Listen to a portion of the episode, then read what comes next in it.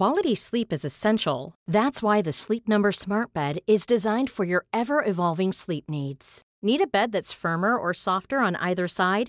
Helps you sleep at a comfortable temperature? Sleep Number Smart Beds let you individualize your comfort so you sleep better together. JD Power ranks Sleep Number number 1 in customer satisfaction with mattresses purchased in-store. And now save 40% on the Sleep Number limited edition Smart Bed for a limited time.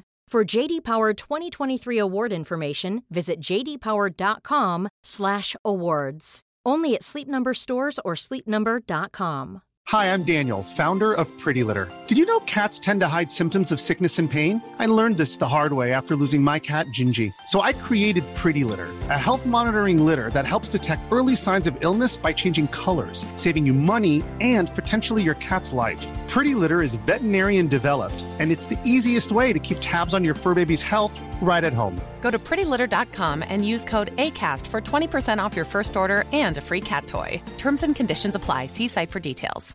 This is Paige, the co-host of Giggly Squad, and I want to tell you about a company that I've been loving, Olive and June. Olive and June gives you everything that you need for a salon quality manicure in one box. And if you break it down, it really comes out to $2 a manicure, which is absolutely insane. It's also so easy to get salon worthy nails at home with Olive and June. The difference between how your nails used to look when you did them yourself and now with the Manny system is a complete game changer. The best thing about Olive and June too is it's a quick dry. Dries in about one minute, lasts for five days, and full coverage in up to one to two coats. Visit oliveandjune.com slash perfectmani20 for 20% off your first system. That's oliveandjune.com slash perfectmani20 for 20% off your first system.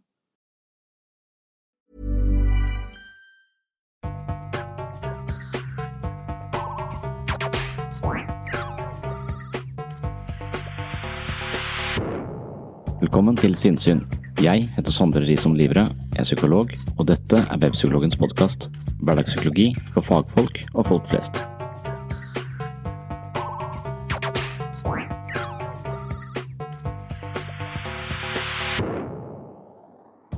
Jeg ble invitert av Janne Lepperød til Færder kulturverksted. Det var et vakkert sted på Tjøme som arrangerer en rekke kreative aktiviteter. På hjemmesiden står det følgende. Helt siden vi åpnet Færder kulturverksted i april 2018, har målet vært å lage tilbud gjennom helhetlige opplevelser der kreativitet, mestring, miljøkunnskap og skaperkraft står i fokus. Vi ønsker å nå ut til så mange som mulig, fordi vi tror at det kreative og skapende er en åpning for et større engasjement og en bedre forståelse av en selv og det samfunnet vi lever i. Jeg likte meg godt på Færder kulturverksted. Vi befant oss i en intim, arkitekttegnet bygning med plass til ca 25 interesserte deltakere. I første del av dette arrangementet skulle jeg snakke med en god venn av meg om ulike innfallsvinkler og utfordringer i selvutvikling. Kan selvutvikling ende opp i selvinnvikling? Vi forsøkte å ta utgangspunkt i en bok av den danske psykologen Sven Brinkmann, som hevder at mennesker forføres av selvutviklingsideer på avveie. Sven Brinkmann har en rekke råd til mennesker for å hjelpe dem til å stå imot selvutvikling. For deg som ikke har lest boken til Sven Brinkmann, skal jeg begynne dagens episode med en oppsummering av boken som altså heter Stå imot. Kort sagt hevder Brinkmann at vi er utsatt for et press om å utvikle oss, noe han mener er uheldig. Han anbefaler oss å stå stille, tenke negativt, undertrykke følelser og gi coachen sparken. Har Brinkmann rett? Lever vi i et overfladisk samfunn hvor vi er mest opptatt av oss selv og vår egen utvikling? Er vi hele tiden på jakt etter noe mer? Underforstått at der vi er ikke er bra nok, og på den måten blir livet preget av en kronisk misnøye i status presens og en evig kamp for å komme til et annet sted? Er det bra at folk flest har en psykolog, en coach og en personlig trener? Tja, Lars Berrum og Martin Beyer-Olsen fra Norske fordommer på NRK har undersøkt saken i en lengre programserie, og her er et lite utdrag fra et intervju med Hasse Brontén, som er en ivrig personlig trener. Bigoreksia er en betegnelse på gutter som aldri blir fornøyde med sin egen kropp. Altså Det er de gutta som starta med å prøve å få sixpack, men endte opp med å jakte etter hulken. Og visste du at i 2012 så åpna det et nytt treningsstudio hver femte dag her i Norge? Og du, Hasse Brontén, du er jo Skandinavias beste personlige trener. Vil du si at trening har blitt den nye folkesykdommen? Ja, om det er sjukdom man vil ha, så er det vel det. Nå skal vi trene. Legg det og gi meg 20.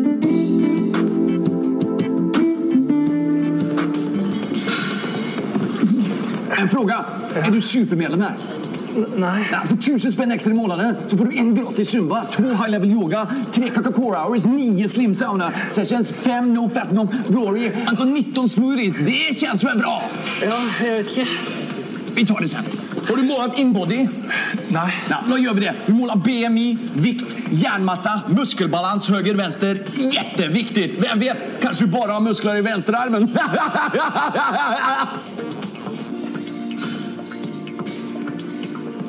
Nu är vi i templet! Nu blir det killkalas! Vi ska göra squat crunches! Känner du till det? Squat crunches! Det är jättebra! Jag ska visa dig. Du tar en kettlebell, ställer dig, push-up-position, straka ben, hoppar in, lyft, vänd kettlebell, upp i taket, straka armar, ner igen, vänd kettlebell, ned i marken, hoppa ut. Okej, boom! När du är färdig, vänd om, spegeln, vara gudarna? Hasse står kvar! Wow! Frågar du mig, är träning nya folksjukdomen? Se, ja, sjuk ut! Ja, ja. Boom, boom, boom! Male black booty, ram-a-lam, male black booty, Jeg stikker. ram-a-lam. Ha det bra. Boom! Hasse Brontén, du är en gud. Kan du visa mig en squat crunch till det kan jag ner? Ut, hoppa in, lyft, vänd kettlebell, upp i taket, ner, vänd kettlebell, baby, marken ut.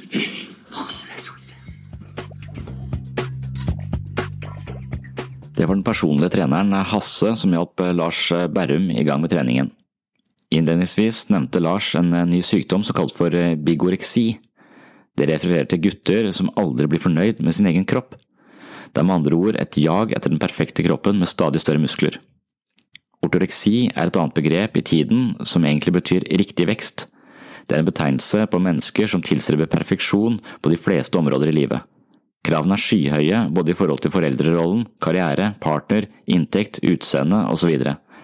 Det er mennesker som jobber så mye med perfeksjon at de aldri klarer å nyte livet. Spørsmålet er om vi finner det samme jaget mot perfeksjon innenfor selvhjelp og psykologi, og da kan vi vende oss tilbake til Sven Brinkmann for å høre hva han har å si. Jeg så den danske psykologiprofessoren på Skavlan i januar 2015, og for å være ærlig så ble jeg litt krenket. Han har skrevet en bok om å si nei til selvutvikling og positivitetskulturen. Boken kom ut i Danmark i 2014 og skapte mediestorm. Brinkmann hevder at vi er utsatt for et konstant press om å utvikle oss, noe som gjør oss slitne og deprimerte. Selv er jeg svært interessert i populærpsykologi og bestselgende selvhjelpsbøker, og i beste sendetid kommer Brinkmann på skjermen for å advare mot selvutvikling, og jeg blir altså litt indignert, men også interessert i hans argumenter. Jeg setter meg inn i hans sju prinsipper, og det viser seg at jeg er forholdsvis enig i det han sier. Det gjør meg i alle fall litt lettere til sinns. Jeg åpner mine egne selvutviklingskurs med å si at jeg har tro på å tenke litt negativt for å komme til bunns i problemene, noe som tilsynelatende er på linje med Brinkmanns filosofi.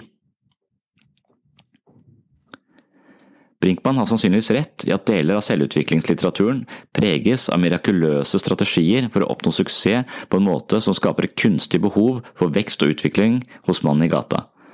En del av bøkene på markedet sikter mot meg-generasjonen og appellerer til den opportune og egoistiske leseren basert på pseudovitenskap. Jeg synes Brinkmann har et svært viktig budskap, og jeg kjøper boken hans. Samtidig har den krenkende delen av meg behov for å forsvare selvutviklingslitteraturen. Jeg mener at sjangeren ikke er så lettbent og kommersiell, og mange av bøkene har både dybde og innhold som representerer en motvekt til den bli perfekt, vær fleksibel og skap utvikling-kulturen som Brinkmann angriper. Etter nøyere gjennomgang av Brinkmanns syv prinsipper for å si nei til selvutvikling, slår det meg at Brinkmann har skrevet en selvhjelpsbok.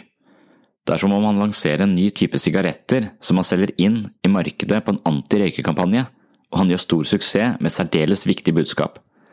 Det er virkelig paradoksalt og beundringsverdig. Men la den fornærmede delen av meg få lov til å være så smålig og si at jeg har hørt det før. Martin Selingman er kanskje et godt eksempel, og kjent som opphavsmannen til positiv psykologi. Han er en pioner innenfor den kognitive psykologien og hevder, som William James hevdet på slutten av 1800-tallet, at mennesker kan endre sitt liv ved å endre sine holdninger. Selingmann sine bøker er blant de som selger svært godt innenfor selvutviklingslitteraturen, og ligger sånn sett i skuddlinjen til Brinkmann. Selv om flere av bøkene til blant andre Selingmann har titler som kanskje virker litt overfladiske, og kanskje litt appellerende, den heter blant annet Learned Optimism, The Optimistic Child What You Can Change and What You Can't, er jeg uenig i at de beste titlene på selvutviklingsmarkedet utelukkende spiller på lag med en tidsånd som krever at vi stadig utvikler oss, snarere tvert imot. I Learned Optimism hevder for eksempel Sellingmann at en kultur som setter individualisme i høysetet, utvikler en bestemt type tankemessige forstyrrelser som anstrenger oss og fører til depresjon. Problemet er at vi stadig inviteres til å tro at vi har endeløse muligheter, noe som gjør at ethvert nederlag oppleves som skjebnesvangert. Vår egen suksess hviler på våre skuldre, og dersom vi ikke lykkes, er vi mislykkede. I tillegg mangler det moderne mennesket mye av den psykologiske støtten man kan få av tradisjoner, nasjonalfølelse, Gud og storfamilier. Det moderne mennesket er eh, dømt til å velge sitt eget liv, noe som egentlig er en voldsom oppgave for de fleste av oss.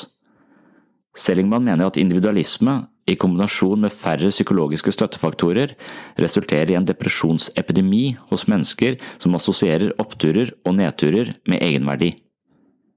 I samme sjanger skriver Barry Swatch The Paradox of Choice, hvor han viser at flere valg krever mer av oss, øker risikoen for å ta feil valg, og dermed fungerer psykologisk belastende på en måte som reduserer vår livskvalitet.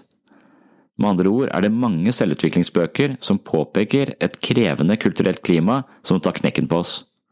Mye av litteraturen på området advarer mennesker mot å forankre sin egenverdi i prestasjoner, grad av perfeksjon, evnen til å utvikle seg, materiell velstand, suksess eller andre egobefengte forgjengeligheter fordi det nettopp gjør oss overfladiske, sårbare og utslitte. Brinkmann setter et viktig fokus på dette, men for å være surmaget og kanskje litt misunnelig på en fremragende psykologkollega med stor gjennomslagskraft, vil jeg påpeke at hans oppfordringer ligner det jeg finner i store deler av selvutviklingslitteraturen, spesielt de bøkene som er inspirert av Østens filosofi og låner ideer fra buddhisme og andre store visdomstradisjoner. I det følgende skal jeg liste opp eh, Brinkmanns prinsipper og kommentere hvert enkelt prinsipp med referanse til selvutviklingsbøker som jeg tror Brinkmann vil ha sans for. Det første prinsippet sier følgende Slutt å kjenne etter. De fleste selvhjelpsguruer vil ha deg til å ta beslutninger ved å følge magefølelsen. Det er et dårlig råd, spesielt hvis du har spist rødkål. Blant de mest sentrale erkjennelsene innenfor psykologi og selvutvikling er det at mennesket skaper mentale kart over verden som ikke stemmer overens med terrenget. Vi tolker oss selv og våre omgivelser i tråd med tidligere erfaringer, noe som betyr at alle våre antagelser og fornemmelser sannsynligvis er mer eller mindre feilaktige. Immanuel Kant var inne på dette, og Freud gjorde det til et sentralt psykologisk poeng ved å påpeke at alt vi opplever er filtrert gjennom nevrosene våre. Dermed vil mye av den litteraturen Brinkmann angriper, være enig med ham. Ikke lytt til magefølelsen, ikke tro at dine følelser definerer deg, og ikke la tilfeldige tanker og oppfattelser få bestemmelsesrett over ditt liv. Albert Ellis og Robert A. Harper skrev en selvutviklingsklassiker i 1961 som omkranser dette fenomenet. Boken heter A Guide to a Rational Living, og den forteller oss at vi har irrasjonelle tanker som genererer negative følelser som videre forpester livet. Det er langt mer hensiktsmessig for oss å ta et mer objektivt og realistisk blikk på oss selv og tilværelsen altså ikke følge magefølelsen. Det andre prinsippet til Sven Brinkmann lyder som følger Fokuser på det negative. Hvis du tenker over din forgjengelighet hver eneste dag, vil du uten tvil sette mer pris på livet.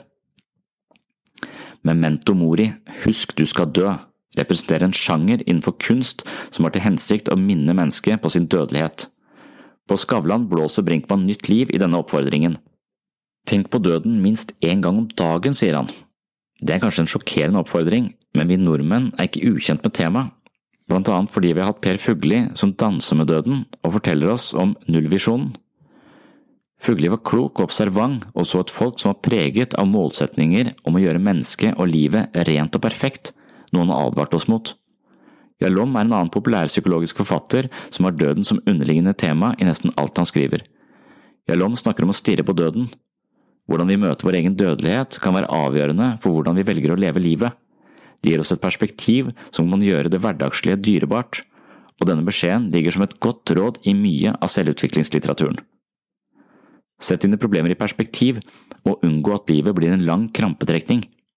Jeg synes at Richard Carlsen skriver utmerket om dette for folk flest i selvutviklingsboken Don't Sweat the Small Stuff and It's All Small Stuff. Carlsen skriver på en lun og godhjertet måte om alle kravene som henger over det moderne mennesket. Boken er forankret i et østlig perspektiv på tid og fremmer verdien av stillhet. Den handler absolutt ikke om å perfeksjonere seg selv, men om å unngå at livet blir en kamp. Carlsen legger frem 100 strategier for å ta med seg et eh, større perspektiv og mer ro inn i hverdagslivets kjas og mas, og flere av strategiene dreier seg om å bli bevisst vår egen forgjengelighet for å verdsette det som er her og nå. Det tredje punktet i boken til Brinkmann har overskriften Ta på deg nei-hatten.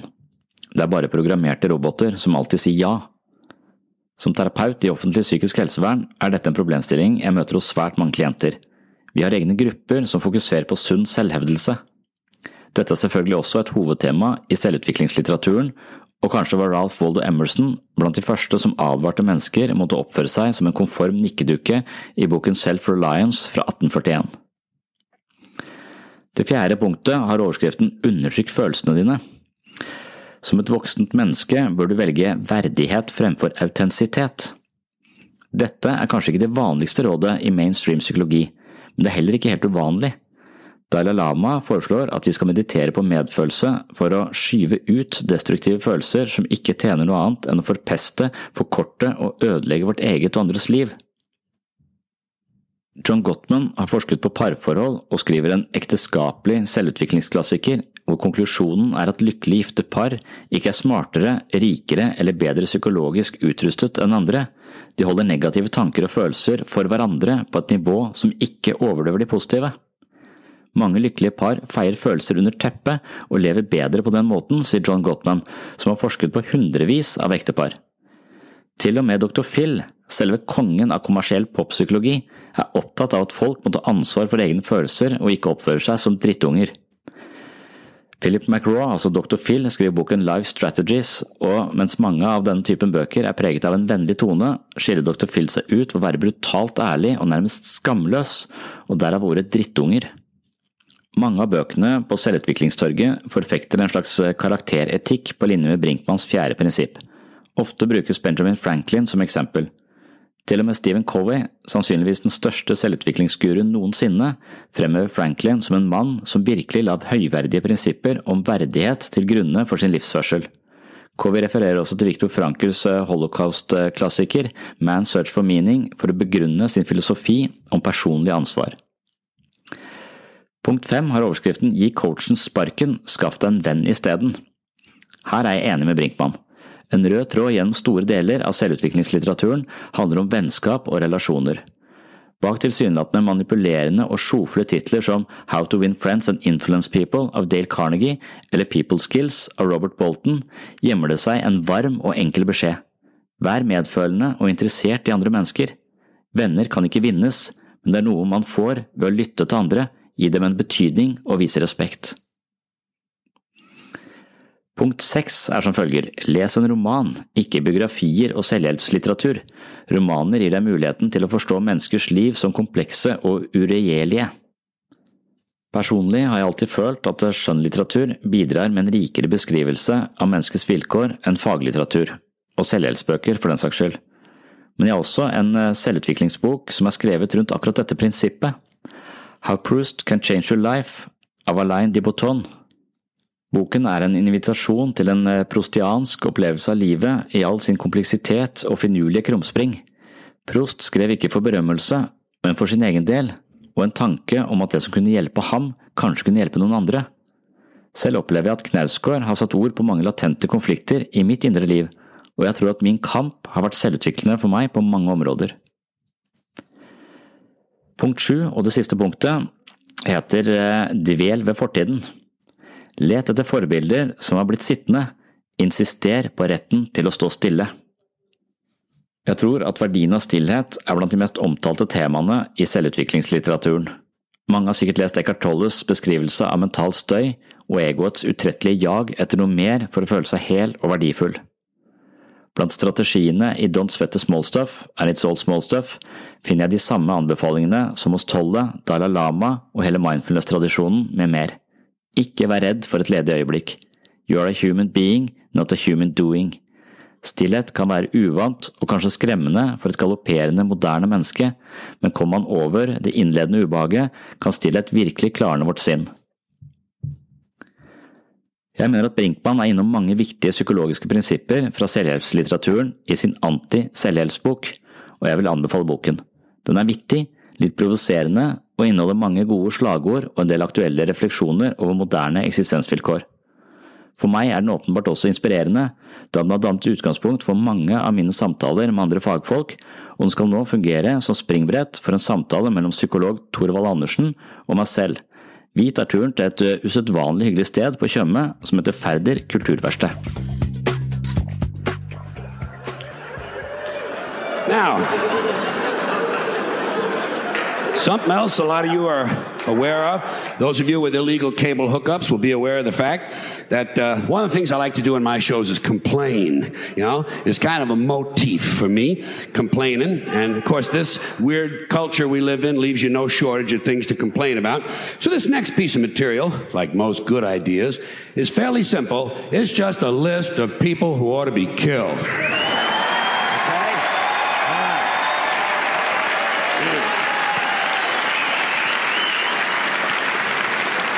Starting with these people who read self help books. Why do so many people need help? Life is not that complicated. You get up, you go to work, you eat three meals, you take one good shit, and you go back to bed. What's the fucking mystery? And the part I really don't understand if you're looking for self help, why would you read a book written by somebody else? That's not self help, that's help. There's no such thing as self help. If you did it yourself, you didn't need help. You did it yourself. Try to pay attention to the language we've all agreed on. Da ønsker jeg alle sammen eh, hjertelig velkommen.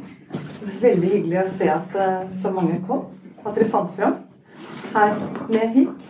Og så spesielt velkommen, selvfølgelig, for det er derfor vi er her, til eh, Sondre Liverød og Torvald Andersen. Jeg må bare starte med å si at grunnen til at vi inviterte Sondre hit, var jo fordi først så fikk jeg tips om podkasten eh, som du har, og som blir hørt av veldig, veldig mange, har jeg skjønt. Eh, så da hørte jeg på det en stund, og så snakka jeg mye med Rolf, mannen min, om det. Og så begynte vi til å høre på det sammen og begynte å diskutere det. Altså, Veit jeg ikke helt om Jord, om du også kom på, men, men i alle fall så var vi liksom flere som begynte å diskutere det. Og så var det sånn Nei, det hadde vært kjempegøy å få den live. Og det er det vi får nå. Så tror jeg bare sier vær så god Ja. til dere. Takk for det. Det var et flott sted her, altså. Det var hyggelig å komme hit. Hyggelig å få invitasjonen. Hyggelig at Thorvald eh, ville være med. Takk for det.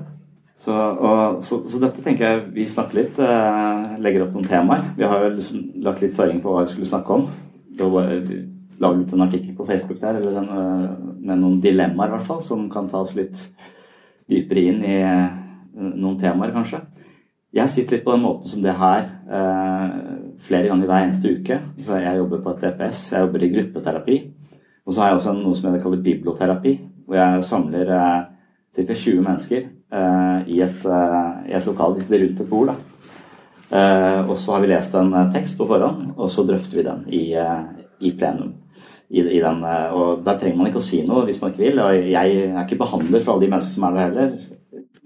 De er pasienter. og Pasienter betyr jo en som, en som lider, og det kjennetegner de som kommer til psykisk helsevern. Så jeg vet noen sier brukere, det syns jeg høres så narkomant ut. Jeg vet ikke hva du, eh, hva du sier, men, men så, så, det er noe av det mest spennende jeg gjør. Da. Det er å sitte og høre nye perspektiver på, eh, på ting, eh, drøfte ting, leve seg selv, sette seg selv inn i det. Hvordan funker dette for meg? Uh, og En av de tingene jeg har vært opptatt av, er selvhjelpslitteratur. Jeg har hatt et sånt prosjekt der jeg leste de 100 mest solgte egentlig psykologibøkene, også en del selvhjelpsbøker. Og så har jeg plukket ut de ideene som, fra disse bøkene, og så har jeg egentlig skrevet til litt kortere da, ned på webpsykologen. Det er litt sånn jeg jobber, altså for å lære ting som jeg først leste, og så må jeg skrive om det, og så må jeg snakke om det. og da, og da, da bor det liksom i meg som noe jeg kan bruke som et slags verktøy. da. Uh, og det gjør jeg hver eneste uke da, med, med opp mot 20, 20, mennesker. og det er utrolig eh, trivelig, og det er interessant. Uh, og jeg føler at, jeg, at, hodet mitt vokser litt hver gang jeg er i en sånn setting hvor jeg får nye perspektiv på ting. Når jeg bare snakker selv, så får jeg ikke så mye perspektiver på ting. Så, da får jeg bare de samme perspektivene som jeg allerede har. Det er derfor jeg ha med, det er derfor det er fint at vi skal ha en samtale om dette her etterpå. Pleier du å være enig med deg selv? Ja. nei, jeg prøver å være uenig med meg selv. Da, sånne ting. Så, så, men sånn jeg startet i går, da, og snakket på, eh, på biblioteket eh, i går, jeg hadde en innledning der, sånn filosofiske samtaler som er litt samme stilen. Det var bare litt for mange folk der, sånn at det var ikke så mye dialog. men nå skulle han innledning til det, og da, da, litt i tråd med det vi, som jeg starter med nå altså, Det er noe som heter eh, noe som jeg har litt opptatt av sist. Vet du, har du hørt om Flynn-effekten? Ja. ja. Med IQ som har ja. sunket eh, og vært eh, tiår, ikke sant? Gått opp. Gått opp, ja. ja. Okay. Så Flynn, det er Daniel Dennett jeg har skrevet en bok som heter 'Intuition Prompts and Tools for Thinking'. Ja. Og Det syns jeg er et interessant, en, en, veldig interessant bok. Han er filosof. Daniel Dennett er filosof.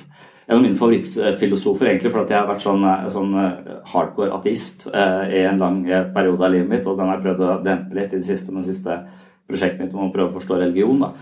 Eh, men, eh, men han, eh, han, innleder med å snakke om the Flynn effect. For han sier at Flynn-effekten er dette fenomenet at IQ-en vår skal ligge på gjennomsnitt på 100. Og hvis gjennomsnittet stiger og kommer over 100, så må vi justere testen. Og det er det vi har gjort hele tiden. Vi har, vi har hatt IQ-tester, og etter hvert som folk har på en måte gått opp og bare klart det og fått, så vi får et gjennomsnitt som er høyere enn 100, som gjør testen litt vanskeligere. Uh, og, og, så, og, Da viser det at mennesket har faktisk blitt smartere og smartere. Uh, det kan være vi blir dummere og dummere nå ja, etter Twitter. Det ja, ja, men, og det er interessant å snakke om hvorfor. Men, men boka til Dennett er fra slutten av 90-tallet. Men jeg har hørt ham snakke om det for ikke så lenge siden også. men, men, jeg syns i hvert fall ideen der er interessant. for at Han innleder med å si han har en student som sier at du kan ikke bygge så mye hus med bare nevene. Og du kan ikke gjøre så mye tenkning med bare, med bare hjernen. Du må også ha tools for thinking, da, som Dennett er opptatt av. Og Flynn-effekten, som sier at hvis vi, la oss si at vi i dette rommet da har en gjennomsnitts-IQ på, på, 100, da, siden folk kommer hit, så tenker jeg det er litt over 100, kanskje 110, litt over gjennomsnittet, som gidder å komme og, og, snakke om filosofi og psykologi. men kan, la oss si vi ligger på 100. Så, så hvis de nå hadde tatt testen fra 1930-tallet, så hadde vi i gjennomsnitt skåret 130. Og det er ganske mye over, da. Eh, så på en eller annen måte så har mennesker klart å bli smartere og smartere og smartere. Men det kan ikke evolusjon gjøre regnskap for, for hjernen vår har ikke blitt større og større. Men det er måten vi bruker den på. Det er måten vi på en måte Det er uh, tools for thinking, som Daniel Dennett kaller det. Måter, nye måter å se seg selv og verden på som gjør at vi på en måte får et mer nyansert bilde av oss selv og verden. Det er iallfall hans idé. Og, og, da tenker jeg at tools for thinking er et, et, et et, godt sånn eh, begrep om det jeg tenker at eh, psykologi dreier seg om. Det dreier seg om å fortelle historier, eh, på en måte forstå seg selv på nye måter. Få mer språk på det som foregår på innsiden. For det vi ikke har noe språk på når det gjelder psykologiske fenomener, det kan vi ikke se. Så det blir ofte bare et hjertebank og vondt i, vondt i magen, eller uro eller stress osv. Så, videre. så det å få flere, mer språk, utvide dette repertoaret vi har på uh, vårt indre liv, det vil være en spesiell form for uh, tenkeverktøy. Da, en psykologisk verktøykasse som man kan bruke til å, til å forstå seg selv og utvide sine egne, egne perspektiver. Så, så jeg, likte, jeg likte, den, den innledningen eller til, til Daniel Lennart der med, med denne Flynn-effekten som sier dette. og han, Noen ganger så tenker jeg på meg selv som en slags iPhone. da, så Hvis jeg var en iPhone, så, så, kan det være at jeg, eller vi som iPhones, ville være omtrent like gode som iPhones fra 30-tallet. Forskjellen er at vi har flere apper. på en måte. Så hver gang du får en ny app på en telefon, så kan du bruke den til veldig mye mer. Eh, og På samme måte så er det kanskje med hjernen vår. Når vi får flere måter å tenke på, så kan vi bruke den helt annerledes, og kanskje bruke den på bedre måter. Eh, så forskjellen på oss og de fra 30-tallet er ikke at hjernen vår er bedre. Er ikke, vi har ikke mer hertz Eh, eller hva man skal sammenligne med. Vi har bare flere apper eventuelt. Mm. Og den første appen eh, som vi kan drøfte, eller den første tingen, er det fra den artikkelen som, som, jeg egentlig valgte, for det der er en fyr som irriterer meg. Altså Brinkmann er en danske som har skrevet at selvhjelp er teit og dumt. og så er det det jeg driver med. Så da, da blir jeg litt krenka. Eh, og når jeg blir litt krenka, og, i og med at jeg så, så er jeg litt interessert i det. Jeg er interessert i det. Hvorfor er han så imot det jeg føler uh, jeg driver med? Og, og, jeg har også en sånn debatt gående med en som heter eh, Ole Jakob Madsen, som har skrevet, eh, som jobber på Universitetet i Oslo, som, uh, som har skrevet 'Det er innover vi skal gå', og den terapeutiske kulturen. Og når han skriver 'Det er innover vi skal gå', så mener han det ironisk. Mens jeg mener at det, ja, det er det vi skal. Vi må forstå mer av vårt indre liv, så vi ikke blir lurt av verden eller oss selv. Så Brinkmann har da satt opp syv punkter som han mener vil beholde oss Eller boka heter 'Mot selvutvikling'. Og det første punktet er selvutviklingsguruer vil ha deg til å følge magefølelsen. Det er et dårlig råd, spesielt hvis du har spist rødkål, er vel det han, han sier. Um, så da er det interessant. Det første, første punktet vi kanskje kan snakke om, da, hva, hva er Skal vi følge magefølelsen? Er det et, et bra tips? Jeg bare lurte på om jeg skulle brukt et halvt minutt på å si hvem jeg er også. Jeg heter Torvald Andersen og er psykolog og jobber på DPS i Tønsberg, og så jobber jeg litt privat.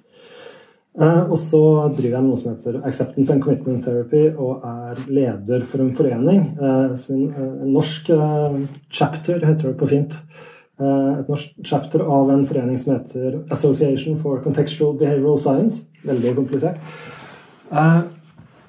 Og vi er egentlig altså jeg, jeg, satt og tenkte litt på det du sa nå. Og jeg syns Brinkmann hadde mange interessante poeng. Jeg har skumlest boka hans i dag og i går. Litt sånn dagen før du skal levere leksene-type lesing.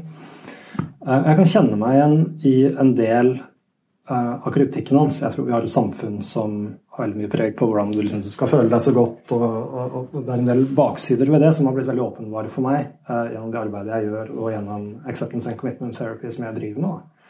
Så Sånn sett syns jeg det er et fint utgangspunkt å ta med litt av det inn når vi snakker sammen i dag. Mm. Og så spurte du om det med rødkål, var det det? Er det godt å stole på magefølelsen? Ja, når du har spist Jeg har spist fårikål.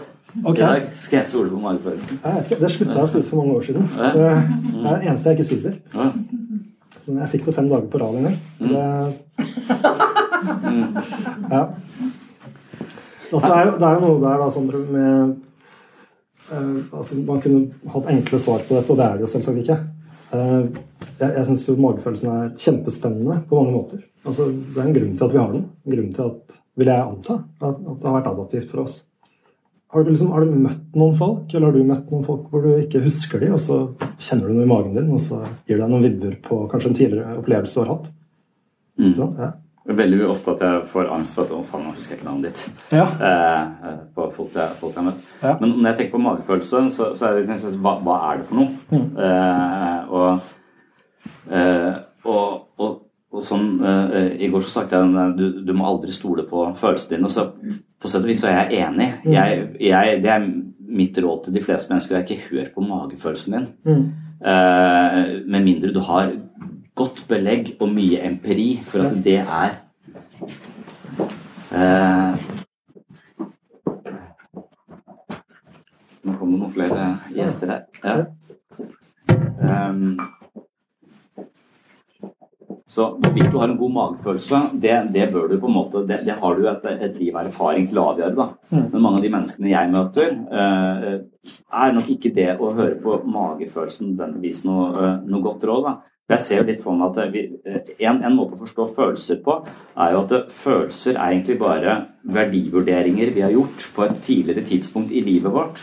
Og de vurderingene vi har gjort av en bestemt situasjon, som bra eller dårlig, god eller, eller ond, det er en vurdering vi gjør, og så legges den vurderingen på et lavere nivå, et slags skjema, på et lavere nivå i hjernen vår. Og neste gang vi kommer i en situasjon som ligner, så dukker dette skjemaet opp, uten at vi husker den vurderingen vi faktisk har gjort tidligere. Men vi får en følelse for hva vi skal gjøre i den situasjonen, og denne følelsen, dette skjemaet, en tidligere verdivurdering vi har gjort, som på en måte da blir toneangivende for hvordan vi handler i den situasjonen.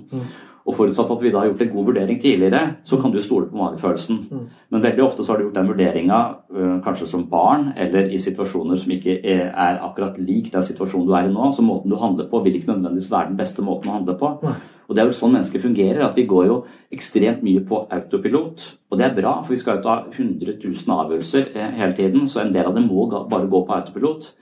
Men i den grad vi har gode autopiloter, så er det greit. Mm. Men det er også en del autopiloter som sannsynligvis ikke er så, eh, så gode. Eh, Og det er, de, eh, det er de vi må være interessert i å eventuelt da stoppe opp og ikke handle på autopilot.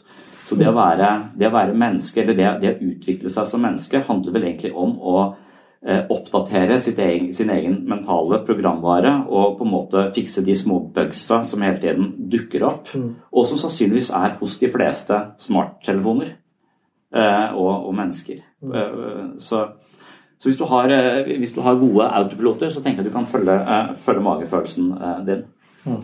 Men eh, uten gode autopiloter så, eh, så tror jeg det er litt interessant å se, eh, undersøke disse autopilotene. Og Enig. Hva, hva legger du i magefølelse? Hva ville du sagt at det var? Eh, Og hva er forskjellen på det og intuisjon? Ja. Um, Ja, er det noen forskjell på det? eller? Nei, det vet jeg ikke. Eh, Men jeg assosierer de to tingene sammen. Ja. Altså, altså, du har bare en følelse for hva du skal, uh, skal gjøre, men du kan, ikke, du kan ikke gjøre rede for hvorfor du gjør uh, akkurat det. Mm. Og da, da kan du si at det er veldig mange positive eh, ting, men også kunstanalytikere f.eks. Noen kan ikke eh, Folk som er proffe, kan ikke på en måte gjøre rede for eh, hvorfor de eh, eh, hvorfor de tar de vurderingene de gjør. da. Fordi at de bare gjør det, fordi de veit hvordan det skal, skal gjøres. Jeg husker han der eh, Magnus Carlsen. ja, Magnus Carlsen kan ikke, kan ikke nødvendigvis gjøre rede for alt han gjør, han bare vet at det er riktig. Mm.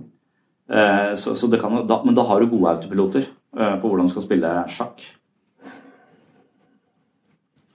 Ja, jeg, jeg tenker at det, det er et godt poeng. Han har sikkert gjort det et par, par tusen ganger. Mm. Eh, Jeg tenker jo De gangene jeg reagerer på liksom, følg magefølelsen, er hvis det blir litt sånn ukebladtilnærming til det. Ikke sant? Altså, Mm. Du skal være så mindful, du skal bare kjenne etter hva du føler. Og det er det viktigste. Jeg tror kanskje ikke vi får de rette svarene da. Jeg jeg er enig med deg i det du sier, at mye handler om å stoppe opp. Faktisk få litt kontakt med hva er det her? Altså, Mm. Hvor kommer det fra? Hva er historien min med den følelsen? Mm. Så har den vært der før?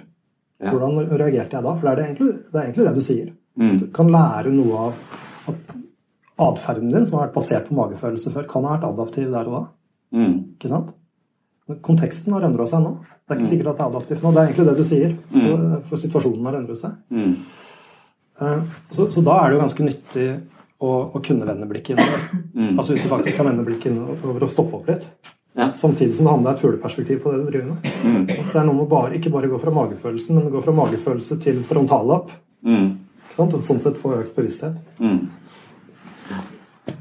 Så det, ja, det er enig Men, men det er jo interessant Det er sånn en måte å tenke på som jeg tenker jeg kan komme mer inn i, inn i meg selv og forstå, forstå mer av meg selv. Og hvis jeg begynner å tenke veldig sånn kognitivt Det er forskjellige skoler innenfor øh, psykologien. Den kognitive skolen liksom, er litt mer sånn atferdsorientert, og, og den vil kalle følelser for skjemaer. på en måte Den vil si at du har gjort en vurdering på et eller annet tidspunkt, og så dukker det opp som et skjema eh, siden, siden jeg husker eh, Nathaniel Brandon mener at det, akkurat som det at vi lærer å gå Idet du lærer å gå, så er du veldig bevisst hvordan du, eh, hvordan du flytter beina, og balansen er dårlig osv. Men etter hvert som du eh, lærer deg å gå, så vil det legges ned på et mye lavere nivå i hjernen. Og du vil kunne gå uten å tenke deg om. Så du vil faktisk kunne gå og tenke og snakke i mobiltelefon samtidig. Så det legger seg på et lavere eh, nivå. Og Sånn er det også med en del av de eh, vurderingene vi gjør. altså det, Vi gjør det, og så legges de på et lavere nivå, så bare dukker de opp som en type autopilot magefølelse. Vi vet hva vi skal gjøre i den, eh, i den og den eh, settingen. Og hvis du tenker litt videre hvis du tenker litt videre i de, eh, i, i de banene, eh, så, så kan man også da forestille seg at vi etter hvert kan manipulere magefølelsen vår, eller fremprovosere den. Det snakket jeg litt eh, om i går. Det snakket han Joal Noah Harari også om, om robotrotter, som jeg også syns er et artig, et artig fenomen. Hvor, hvor han sier at det, det fins noen forskere som driver og putter elektroner i, elektroder inn i hodet på, på rotter og, og fjernstyrer, fjernstyrer de, så de kan få rotta til å gå til venstre og til høyre, akkurat som en slags sånn avansert eh, radiostyrt bil. Eh, og så kan de få rotta til å klatre opp og gå bort og hoppe ned, selv om rotter ikke liker å hoppe. Så, så de, du, du, kan rett og slett eh, styre rotta.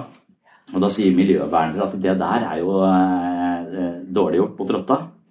Eh, og så sier de som driver med det i hvit frakk, nei, nei, det er ikke dårlig gjort mot rotta. For rotta, eh, rotta får da lyst til å gå til venstre når vi styrer den til venstre, og den får lyst til å gå til, eh, til høyre. Den følger bare magefølelsen sin. Eh, eh, men nå er den magefølelsen er da styrt av en mann i hvit eh, frakk, så du har bytta ut den vanlige magefølelsen med, mage, med, med, et menneske som styrer denne rotta. Og hver gang den gjør som den skal, så får den en dusj av endorfiner også. Så den er liksom sånn halvveis i nirvana nesten hele tiden. På jakt etter dynamitt eller eh, døde mennesker inn i rasområder. Vi kan bruke fjernstyrte til ganske mye eh, hvis vi faktisk kan styre, styre de. Og, og, når da den rotta befinner seg sånn delvis i nirvana, full av endorfiner og er kjempehappy for, for det den er, så ser ikke disse forskerne noe, noe problem med dette. da. Og så Det neste spørsmålet er jo går det an å styre mennesker på samme måte. Eh, og Det er sånn, sånn slags tenkeverktøy som jeg bruker litt, innimellom, som jeg tenker litt over. Eh, for det, det, det, gjør meg så veldig mekanisk, hvis jeg tenker på den måten at det, og, og Johan Noah Harari sitt svar på det er jo også kan vi styre mennesker, kan vi styre en rotte? Ja. Det er i hvert fall ikke i prinsippet ikke noe i veien for det, og vi har gjort det ganske mye. Altså, vi kan fremkalle følelser som kjærlighet, mm. sinne, spirituelle opplevelser, mm. eh, sjalusi Alle disse følelsene kan vi eh, med eh, elektroder osv. Så eh, og sånne transkraniale eh, magnetiske stimulering kan vi faktisk fremprovosere ulike typer følelser hos et menneske. Eh, og da er det jo eh, potensielt sett mulighet sant, for å lage en hjelm som du, kan, som du kan selge på et eller annet fremtidig apotek hvor du kan velge hvordan person du vil være, eller hva, hva magefølelsen din skal si deg. Hva har du lyst til når du kommer hjem fra jobb? Du har lyst til å, å leke med barna med all verdens tålmodighet. Og så har jeg lyst på brokkoli. Og så har jeg lyst til å jogge og klippe plen. Det er det jeg har mest Hvis jeg ikke skulle ligge på sofaen, spise boller uh, og drikke øl uh, For den algoritmen, den magefølelsen, det er det, det Brinkmann sier. Altså, hvis du følger magefølelsen, så havner du på sofaen med livsstilssykdommer. Eh, men hvis vi da har en hjelm som rett og slett bare omprogrammerer det, så, så da har vi jo da har vi bare litt annen eh, Det er, eh, et program som styrer hva vi har lyst til, som styrer mage, magefølelsen vår. Mm. Er det ikke det vi gjør med medisiner allerede? En light-versjon? Bare vent til Pfizer får tak i den hjelmen din. Ja, ikke sant? Ja, hva slags liv blir det? Ja, ja, det, det, det, ja, hva slags liv blir det? Det blir jo at da Jeg er jo redd for å dø, så jeg kan, kommer sikkert til å leve lenge. For jeg kommer til å være veldig forsiktig, jeg kommer til å være veldig tålmodig, jeg kommer til å spise mye brokkoli. Så det er mange fordeler eh, med å være sånn. Men på annen side så, uh, så kommer jeg til å jogge mye. Men jeg misliker folk som jogger mye. Eh, og jeg misliker folk som er sunne. Jeg syns de er irriterende. Eh, så da blir jeg en sånn irriterende fyr sjøl. Men da kommer jeg sikkert bare til å legge inn den algoritmen som sier at sunne folk er er jeg glad i. De elsker jeg. Så, så da, da, er sikkert det problemet løst. Uh, vil jeg tenke. Ja. Så følg magefølelsen, er det du argumenterer for? Nei, kjøp en hjelm. nice, nice. Ja. Fikk jeg Matrix-bilder her. Ja. Mm. Men, men, det er jo Jeg syns det er spennende med magefølelse i det vi gjør i hverdagen vår også. Tenk når du sitter med en pasient, og du er helt oppslukt. Jeg har tatt meg i det mange ganger. Og så er det noe som måte, Skal jeg gå dit eller dit? Og så kjenner du etter, og så er det i hvert fall får jeg den opplevelsen en gang. Det er noe i meg som sier at nei, det ville vært for tidlig å trykke på den knappen der nå. Mm. Da, vi, da, prøver vi noe annet. Det er jo magefølelse. Der er det funksjonelt mm. å lytte til den, tror jeg. da. Mm. Hodet mitt, hvis du skulle fulgt en manual, da, for det ville vært, altså hvis man skulle satt det på spissen, det ville vært uh, den rasjonelle type manualen, en sånn terapimanual som sier at uh, eh, 20 minutter inn i uh, samtale nummer to, så skal du snakke om hva som er viktig for deg. Ja. Mm. Så hodet ditt kunne kanskje sagt at det er det du skal gjøre nå, men magefølelsen sier noe annet. Mm. Så, så, den har jo en funksjon som er nyttig for oss, tror jeg. Hvis vi bare følger hodet, så blir vi dårlige terapeuter.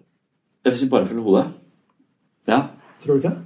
Jo, jeg, jeg, det, det, det, tror jeg. Men, men men poenget mitt er vel egentlig Eller jeg er ute etter å raffinere magefølelsen min. Mm. Eh, så, sånn som jeg snakket om, alt du føler er feil. Ja. Altså Hvis du har den holdningen innimellom, så blir du i hvert fall litt interessert i hvorfor Du handler sånn som du handler i ulike settinger. Og det er liksom Når jeg leser om Maslow og hans behovshierarki, så, så, så går vi fra å ha vi, vi, går fra et underskudd, vi trenger noe for å føle oss hele. Vi trenger jo fysiske ting, men vi trenger også likes på Facebook. Vi trenger folk som liker oss. Vi trenger på en måte føle oss gode, eh, gode nok. Og idet vi har et ego i sånn rimelig balanse, så har vi ikke legger behov for å få noe fra andre, men vi har et behov for å gi noe. Så vi får det Maslow kaller på en måte eh, metabehov. Eh, og det også på en måte være det, det, som kjennetegner en del av disse folkene som er det Maslow kaller realiserte, da, mm. selvrealiserte mennesker, er at de er veldig ofte interessert i sitt eget forsvar. Er interessert i sin egen, sin egen, motivasjon for hvorfor de gjør det de gjør. Eh, så de har en slags introspektiv nysgjerrighet ved seg. Eh, og det er der jeg tror de også justerer algoritmer. på en måte. De justerer sikkert sånne Gjør jeg dette her nå fordi at eh, jeg vil bli likt, eller gjør jeg det for noe jeg er genuint interessert i det jeg driver med? Hva er motivasjonen min, mm. min bak det? Og Det, det syns jeg er en sånn smart, smart, ting å gjøre, smart ting å være litt oppmerksom på. Mm. Så, så, Derfor så tenker jeg av og til at er det nå en mann i hvit frakk som styrer mine eh, motivasjon, eh, eller er det Google og Facebook som styrer min atferd? Eller hvem er det som står bak det jeg nå gjør? Hvorfor gjør jeg det? Og så, så får jeg litt sånn større, større repertoar på det. Og en av de følelsene jeg tror vi bør være veldig oppmerksom på, er frykt. Mhm. Eh, følelsen. For den, den er eh, den, I hvert fall de menneskene vi sannsynligvis møter, så er det fryktfølelsen som, eh, som sørger for at de ofte tar valg som ikke gagner de på lengre sikt. Mm. Uh, og, og, og, i form av unnvikelse. Ja, men tror du det bare er frykt? Altså, jeg er helt enig. Jeg tror ja. det er unnvikelse som er stikkordet der. Ja, unnvikelse. Ja, så kanskje mm. man kunne sagt altså, Hvis du er drevet av å unngå noe som er ubehagelig, istedenfor å bevege deg mot noe som er viktig, mm. så strever du psykisk. Absolutt. Ja, ja Der har sikkert dekt sånne, sånne begreper. Uh, ja. Vi, vi, kaller det å kjenne igjen funksjonen av atferden din. ikke sant? Ja, ja. Mm. Så om funksjonen er opplevelsesunnvikelse, eller om det er verdibasert ja. atferd. Ja, en, en, sånn annen sånn um, tenkeverktøy som jeg fikk fra Dennett, det er å se, se for deg at du har et fengsel fullt av folk som, eh, som sannsynligvis ikke vil sitte i fengsel, men blitt sperra inne i hver sin celle. Og dørene er låst, så de sitter på hver sin celle. Og, men hver kveld, eh, eh, når fangene har sovna, så er det en av de vaktene som går og låser opp alle cellene. Så i prinsippet så er alle fangene frie hele natta, men rett før de våkner om morgenen, så går de og låser cella eh, igjen. Og spørsmålet er er de fangene da frie i løpet av natta. Og svaret er nei, de kan ikke være frie, fordi at du er, du er nødt til å vite om mulighetene dine mm. for å kunne, eh, eh, for å kunne ta de mulighetene. Du, du, må, du, må, kjenne til mulighetene, som kan være et bilde på det vi gjør i terapi ofte. At vi, vi, prøver å skape mer språk på det som foregår, sånn at vi kan se ting. Og de ting vi kan se, kan vi også endre. Så hvis vi er i relasjoner som ikke er bra for oss, eller hvis vi er i relasjoner som har kjørt seg fast i et eller annet spor, så har vi et større språk, et repertoar på hva som foregår mellom mennesker og inni oss. Og idet vi ser det, så ser vi mulighetene for også å kunne endre det. Eh, og men, men, mange ganger så, så, møter du jo mennesker som, som sitter i sine små, eh, trange eh, celler og har det jævlig. Og så forteller du dem at de har det jævlig fordi de har et operativsystem som sier at de er ikke like bra som alle andre. Altså De har en erfaring på at folk har mobba de, ignorert de, oversett de eller behandla de dårlig på en eller annen måte. Og når de har blitt behandla dårlig mange nok ganger, så tenker jeg at jeg er sannsynligvis ikke verdt å, å, elske, eller jeg er vel ikke så verdifull som andre mennesker, så jeg stiller meg bakerst uh, i køen. Så, så har, De har et operativsystem som snakker negativt til dem selv, om dem selv. Og det har nok mange flere mennesker enn det. Jeg tror nok vi er ganske selvkritiske alle, alle sammen. Så vi lever i en eller annen sånn type fengsel, og noen av de vi møter, lever i et veldig trange fengsler hvor de har en veldig lav selvfølelse. Mm. Det er kanskje det viktigste skjemaet, er hvordan du vurderer din egen verdi som menneske. Ja. Eh, og det er ofte diktert av folk du har møtt. Det er ikke en objektiv størrelse hvordan du ser på deg selv og din egen eh, eh verdi. Mm. Det er ofte et sosialt produkt sant, av de menneskene vi har, eh, vi har, møtt. Så når jeg forteller mennesker, når jeg snakker med mennesker om dette, altså, ok, du, du, mener at du er mislykka. Ja, og hvordan, hvordan, vet du det? Og så har de en haug av empiri på at de er mislykka. Ja. Eh, og det er jo eh, veldig ofte fordi at de har prøvd ting én gang, og så har de mislykkes, og så har de gitt opp. Eh, og, og, dermed så, så, så, har de da bare masse eh, fiaskoer Og en hel haug av unnvikelse for hver gang de har til en ny situasjon hvor de kunne på en måte prøvd å utvikle seg eller ta en prøve, prøve på nytt, så har de unnviket for de tenker jeg får det ikke til likevel. Så hele ideen deres som måten de, eh, hvem de er, det er også tona inn for hvordan de lever, og de mangler mengdetrening. Derfor er de ganske mislykka. Hadde de trent på det, så, så kunne de blitt mislykka. Og, når- vi snakker på den måten, og de skjønner at det, hm, jeg, har, jeg mangler egentlig trening, hvis jeg trener, så kan jeg også bli vellykka. Da, det er som om, da føler jeg ok, nå sitter du i et fengsel, nå åpna vi døra for deg, nå kan du gå. Men det vil de ikke. Fordi De blir faen meg sittende igjen der. Og det er jo det som er eh, interessant. Altså, der kommer frykten inn, tror jeg. Det å forandre seg er fryktinngytende for de fleste av oss. Vi tviholder på de ideene vi har om oss selv og hvem vi er. Fordi demonene vi kjenner, er bedre enn de vi ikke kjenner. på en eller annen måte. Ja. Det er sikkert derfor folk blir i for, Hvis du har vært misbrukt som barn, så finner du en partner som gjør det samme. ikke sant? Det Ja, ja. er Ubevisst. Mm. Ja, men jeg synes det er et fint bilde på det du sier. da. Jeg- For det første, vet du hvor mange tanker vi har i løpet av et døgn? Jeg leste en studie på det. Richard Carlsen sier 50 000. Hva har du det eh, Ja, ok, da har han litt flere. Det er interessant. Kanskje han tenker mye. De sier Ja. 37 til 39 000 i snitt. Hvordan klarer du å finne ut av det, det? det er spennende i seg selv. Ja. Men jeg, jeg tenker noen gang på det som en sånn Jeg pleier å tegne det for noen pasienter som en sånn gullfisk på det. På Ja. kontoret mitt har jeg noen fisker som svømmer rundt også. Og så spør jeg de, de, fiskene som svømmer der, tror du at de måte er bevisst på at de svømmer der? Og de aller fleste, jeg tror alle sier vel stort sett nei, det tror jeg ikke. Så de, de ser litt mat, og så beveger seg mot det, og så unna den fisken som de vet kommer til å bite for det har den gjort før. Mm. Og, og sånn er det jo i hverdagen vår også. Vi svømmer rundt i vår egen gullfiskbolle. Det er liksom metafor på fengselet ditt. da. Mm. Med masse negative erfaringer, kanskje mye vonde minner, bilder. Vond magefølelse. Og jeg, jeg tenker jo i de tilfellene når vi ikke legger merke til jeg, jeg, Noen ganger så tenker jeg at man kan jeg tegner sånne små kroker nede i gullfiskbolla. Og det er ting som vi biter på, som drar oppmerksomheten vår unna her og nå. Mm. Og hvis du har masse av de, Ofte så biter du uten å tenke over det. Ikke sant? Da er det dårlig, og, og magefølelsen er en sånn krok. ikke sant? Så da er det kanskje et dårlig råd å følge magefølelsen. Jeg synes det er spennende, for noe av det vi prøver å få til Nettopp du spør er man fri hvis man ikke vet det. Det handler om å stikke hodet opp av gullfiskbolla.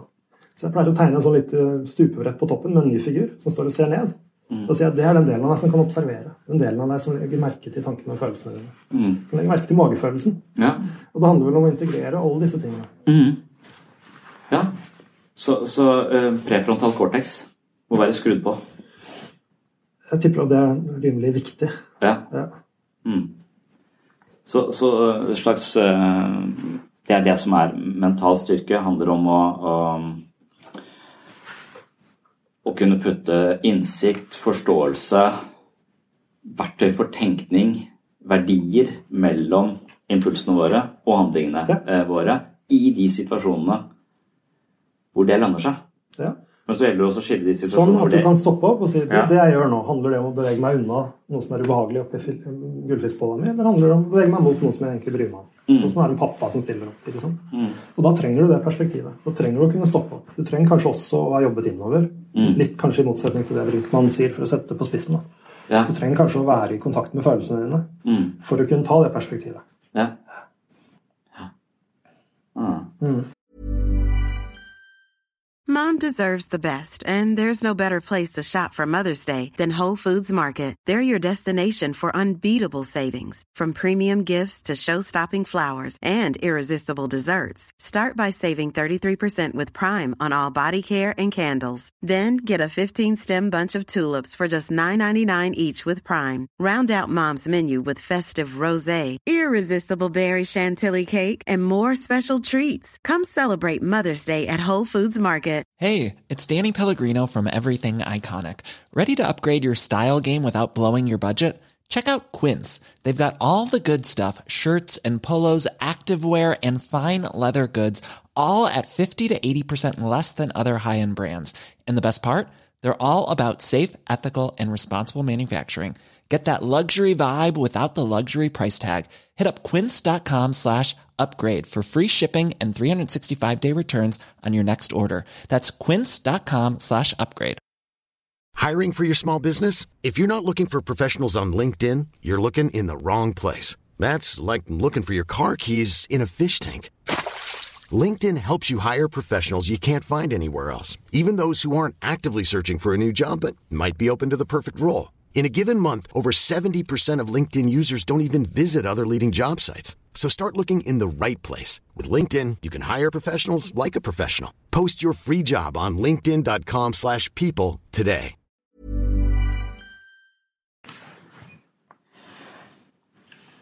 Så ikke lytt til eh, magefølelsen, sier eh, Brinkmann. Hva sier vi? Eh, vær skeptisk til magefølelsen er mitt eh, I hvert fall eh, ta, bruk tid på å vurdere den innimellom. Ikke hele tiden, men så er det også, Hva med å si 'vær bevisst på at du lytter'?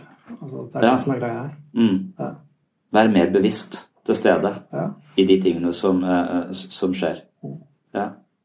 Men det er en ganske, det er en ganske sånn stor oppgave som jeg føler at eh, jeg, jeg tror nok også at det, hvis, hvis du er bevisst hvis du er bevisst det som foregår, så er det også mer aktivitet her oppe i denne delen av hjernen. Så mental styrke handler egentlig om å øke eh, på en måte hvor mye energi som brukes herfra, og hvor mye som bare går fra, fra følelsessentrene. Ja. Og med en gang vi føler sterkt, så kollapser jo, så kobler vi ut denne delen eh, av hodet, og så er vi fanget av de vanlige mønstrene våre, den, den typiske krangelen, eh, hvor du skjønner at ja, nå kommer jeg til å si det, eh, og, og så kommer hun til å si det, og så kommer vi ikke til å snakke til hverandre før i morgen tidlig.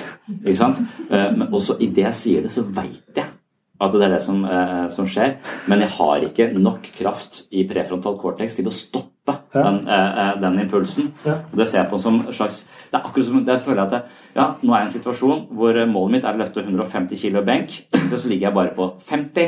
eh, eh, og når jeg skal prøve å løfte det 150, selv om jeg vet at det er det jeg må, så har jeg ikke muskler nok. da, Så jeg har ikke mental kraft nok til å ikke si det jeg veit jeg ikke burde si. For det kommer til å skape dårlig stemning i lang tid. Kanskje hele fellesferien, hvis jeg er uheldig. Ja. Jeg kjenner det, altså. Ja. Men det som er litt positivt, da, Sondre, eh, det vet du sikkert, men har du sett i studiene på mindfulness-trening og, og hjerneaktivitet? ja, noen i hvert fall. Ja, altså, eh, Det ene studiet jeg leste, da hadde de to grupper. hvor den ene gruppa, eh, Begge gruppene fikk se en del ansikter som var enten forvridde eller sinte. sånn at Det satte i gang en stressreaksjon Mm. i et område som heter amygdala. Mm. Som er liksom hjernens alarmsentral. Mm. Eh, og så begynte de eh, og Den ene gruppa fikk bare høre på noe musikk, eller noe sånt, mens den andre gruppa trente mindfulness. Og så ble de utsatt for samme stimuli igjen. Og Det man så da, var at de som hadde trent mindfulness i noen uker, de reagerte med mye større aktivitet i frontallappene. Mm.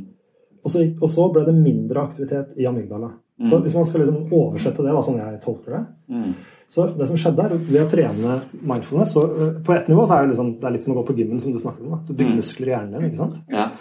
Eh, Men, eh, men frontallappene de er deres oppgave er bl.a. å kunne skifte strategi når noe, ikke- noe ikke funker. Mm. Sånn at du, vet- du vet at Hvis jeg sier det her til kona mi, så kommer hele fellesferien til å være ødelagt. Mm. Så er det litt lurt å ha frontallapper som ikke gjør det samme igjen og igjen. ikke sant? Mm.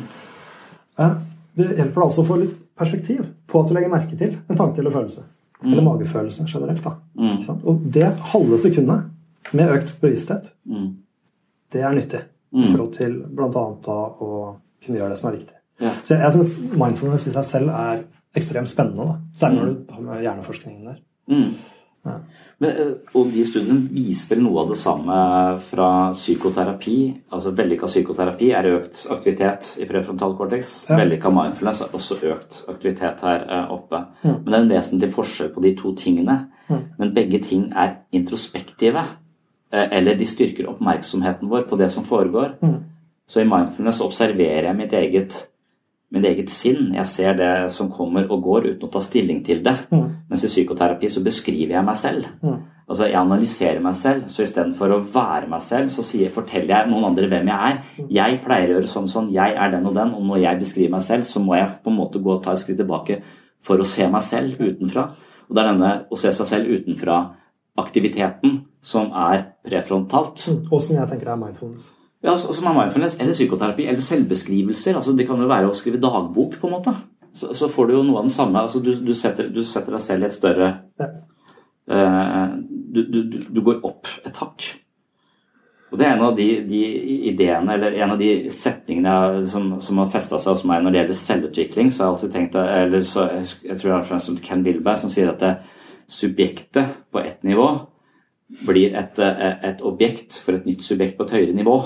Og at det er en sånn kryptisk setting, men det er det vi driver med når vi, eh, når vi oppdaterer vår egen programvare. Så istedenfor å bare gjøre det samme hver dag, være mer bevisst til stede i livet sitt, så begynner du å undersøke det som var ditt subjekt, det du holder på med. Eh, eh, og så du det, begynner du å observere det, eventuelt beskrive det. Og da er det et nytt subjekt som beskriver det tidligere subjektet, og gjør det tidligere subjektet om til et objekt. For, for analyse for det nye subjektet, som da har en større oversikt. For det står det utenfor, for står utenfor og, og, og beskriver det. Ja. Ja.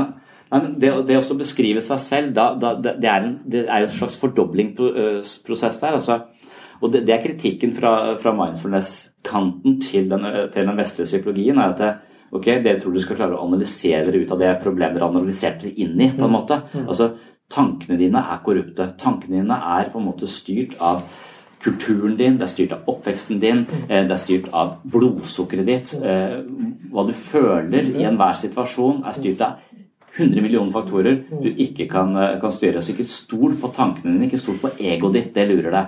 Men når du da skal prøve å også komme mer i balanse og forstå deg selv og bruke de samme tankene på å analysere de tankene som allerede er korrupte, så blir det bare sånn nullsumspill hvor det ikke kommer noe ut av det. Det så du en studie fra, fra Israel med, med domstolen der.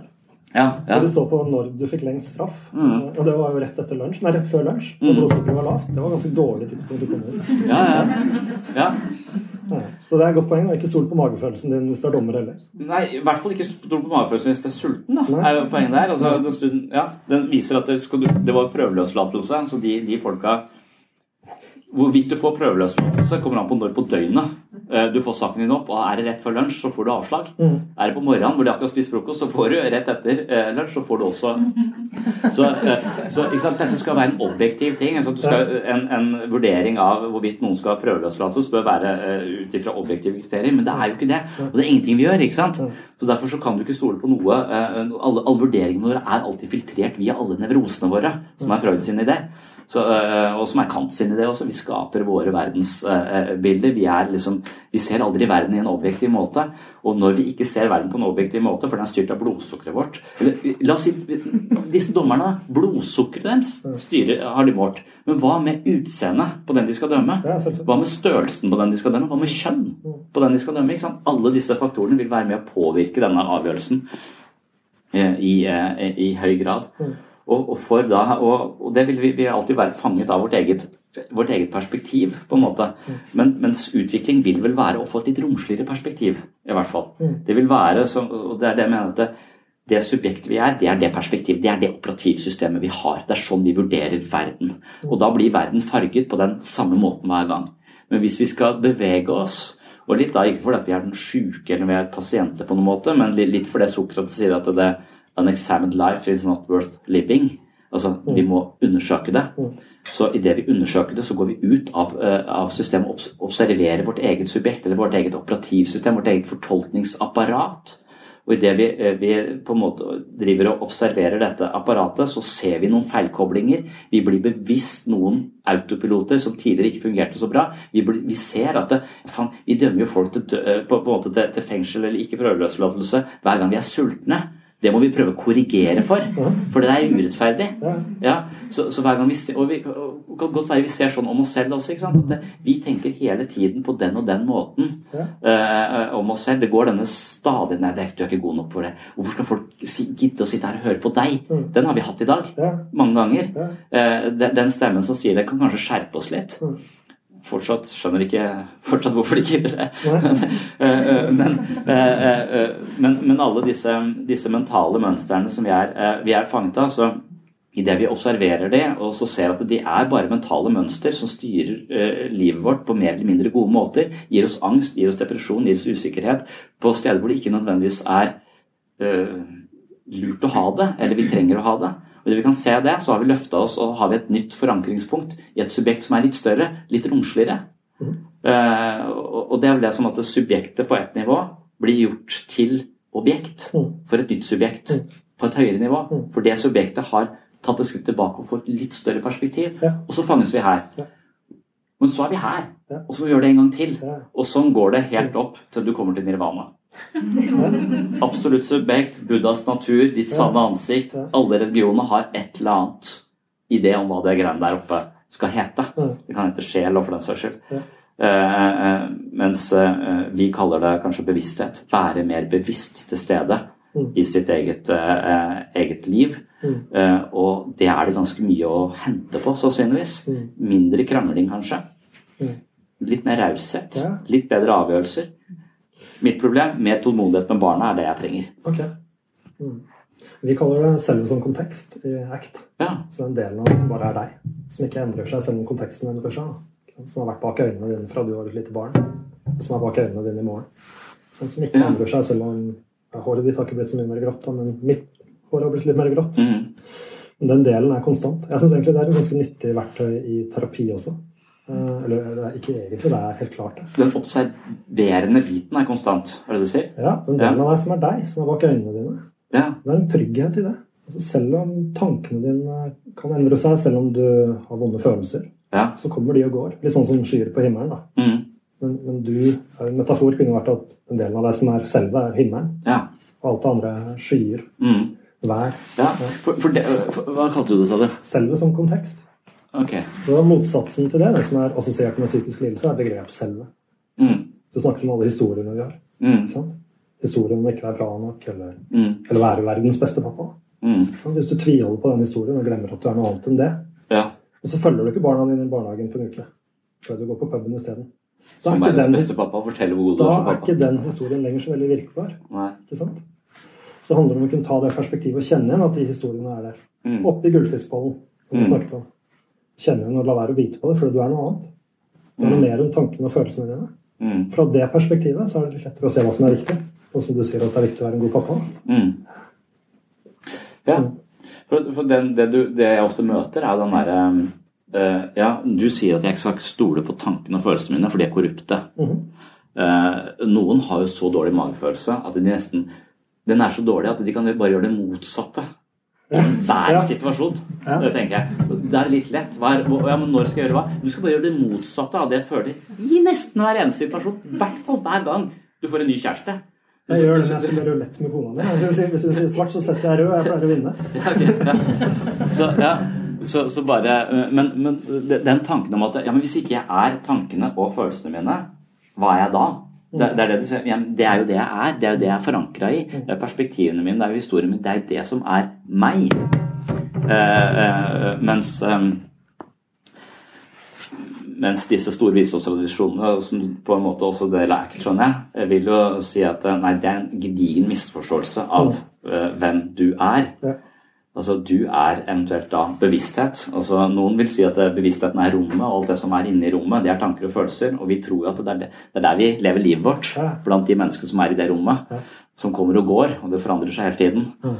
Mens det vi egentlig er, er rommet. Uh, som, og, og den, men den ideen er ikke sånn uh, så lett å plante. Uh, og den er ikke så lett å, å ha med seg eh, heller. Jeg vet ikke om folk skjønner hva de snakker om engang. for å være helt ærlig. Men, men, men uansett, en måte å plante det på er ved bruk av metaforer. Ja. Ja. Mm. For det er ikke så verbalt. Da blir vi ikke fanget i disse verbale sannhetene som vi har. da. Ja. Om hvem vi er, for eksempel. Mm. Ja. Men vi er kanskje litt på siden av det vi skulle drøfte med magefølelse nå. Nei, men jeg tenker at det er ja.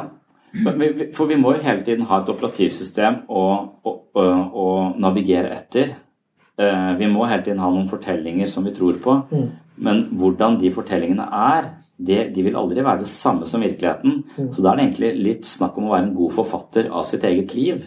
Ja. På, på, på en eller annen måte har jeg noen ganger tenkt.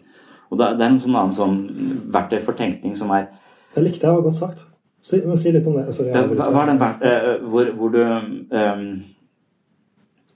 uh, ja, at, at vi, vi, eh, vi er fanget vi, er- vi er fanget, vi er for tett bundet opp til tankene uh, våre og fortellingene om, om, om livet vårt. Og en sånn, det som, den, den vi kaller intuisjonspumpe der, sånn, er denne historien han har om den um, ondskapsfulle eh, nevrologen. Har du hørt om den ondskapsfulle nevrologen? Nei. Det er for den ondskapsfulle nevrologen, og dette her er visst fakta ifølge, uh, ifølge den, at eh, hvis du har OCD, altså tvangstanker, og tvangshandlinger. mm. det er jo obsessive compulsive disorder. Da, da driver du og stresser rundt og, om å sjekke ting, og noen må telle, og noen må se firkanter. Og? Så, så hele hjernen din hele tiden opptatt av å kontrollere noe. Eller den er opptatt av å holde på med noe hele tiden. Den stoler aldri på seg selv, den går alltid tilbake og sjekker uh, osv. Det er litt sånn vanlig hos, hos barn. Jeg underviser litt i utviklingspsykologi, så, så, så, så i barnestadiet så er dette med å være liten i en stor, stor verden. Da føler du deg så maktesløs og som en slags uh, for, å, for, å, bøte opp for den maktesløshetsfølelsen, så lager du deg magiske ting som sier at hvis jeg nå går på de hvite feltene, så dør ikke mamma og pappa. Ja. Eh, du kan ikke kontrollere at mamma og pappa ikke dør, eh, men du er redd for det. Mm. Men du kan lage deg et regime som sørger for at hvis du alltid går på de hvite feltene, så vil ikke det skje. Så du lager sammenhenger hvor det ikke eksisterer. Mm. Og det kan du da anta tvangsaktige dimensjoner, hvor det er mange ting du må gjøre. Hver gang det skjer, så blir jeg telle til 50. Ja. Og da er du fanget, og da har du mye å gjøre. Mm. Eh, men, men, det er litt på siden av. Men, men den, den ondskapsfulle nevrologen har funnet en skip som man kan operere inn i hodet på folk, som demper den typen mentalt støy. Mm. Uh, og, og, det er visst fakta, ifølge denne, at det finnes skipper du kan uh, operere inn i huet som demper, demper tvangstanker. Mm. Så denne mannen kommer uh, på, på, en time, får installert skippen i hodet som demper OCD-en hans. Okay. Og når han da våkner og har den, så er det flott, nå, nå, tenker jeg ikke så mye på telling eller hva det var han hadde, eller på bakterier eller vasketvang eller hva det er for noe. Okay. Så, så, han, så, han, er fornøyd.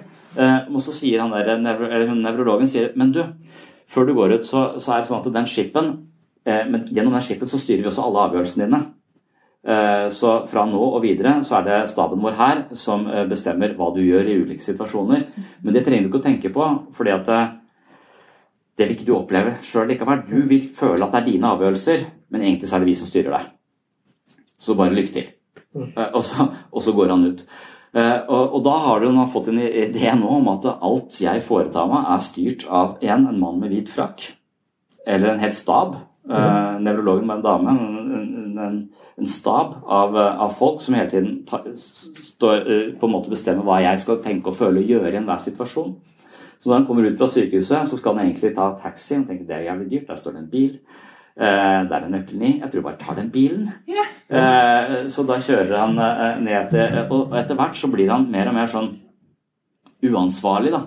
For det er jo ikke hans skyld likevel. Nå er det det der forbanna staben som styrer alt han gjør. Så nå trenger ikke han å egentlig eh, oppføre seg sånn veldig ordentlig lenger. Så da havner han på kamp med loven, og til slutt så blir han tatt. Og så kommer det da en, en, eh, en domstol, eh, og så sier han til dommeren ja, men dommer, dette er jo ikke min feil. Eh, det er jo en, en nevrolog på sykehuset som har installert en skip i hodet mitt som styrer meg hele tiden. Så jeg, jeg, kan ikke stå ansvarlig for alle de tingene jeg nå har gjort galt. Mm.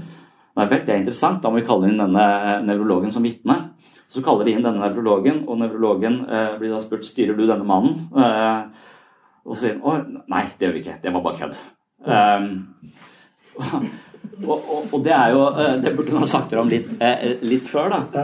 Men, men, greia er vel at eh, Eller den intuisjonspumpen den skal, den skal, skape en slags Den skal kanskje anspore oss til å tenke på, på, på at ideene vi har, påvirker livet vårt ganske mye.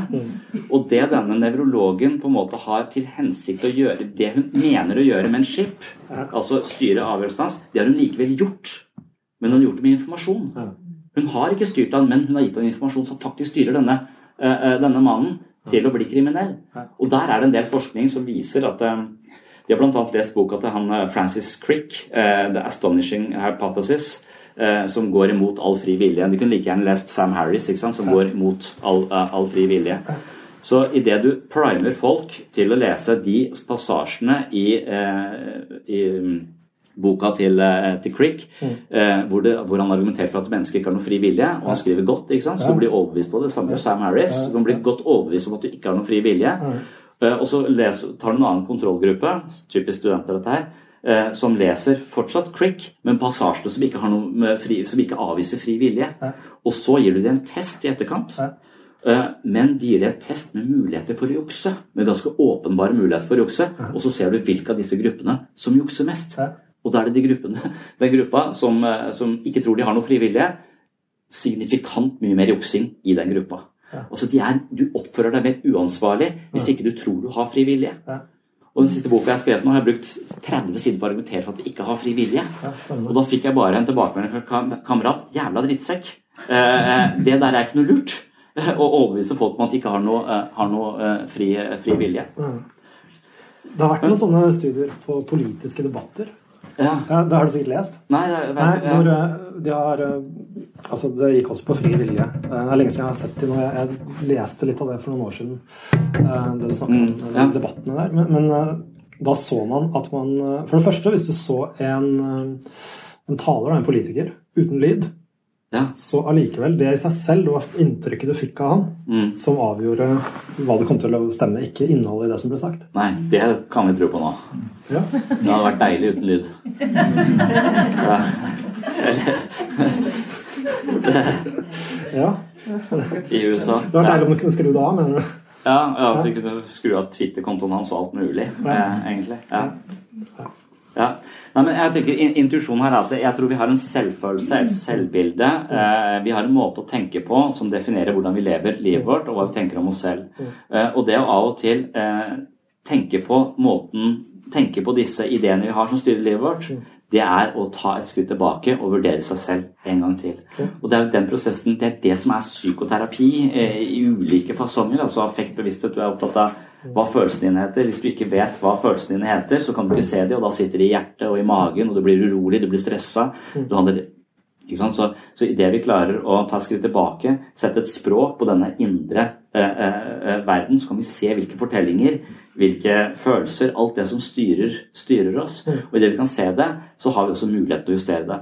Så det er der jeg åpner for en grad av fri vilje. Altså at eh, vi kan godt si at alt er determinert, vi er bare, bare styrt, men jeg mener jo til en viss grad at vi kan Vi får impulser og tanker, og vi kan ikke bestemme hva vi skal tenke eh, på en måte, eller de dukker jo ofte bare, bare opp, men vi kan velge å ikke handle på det.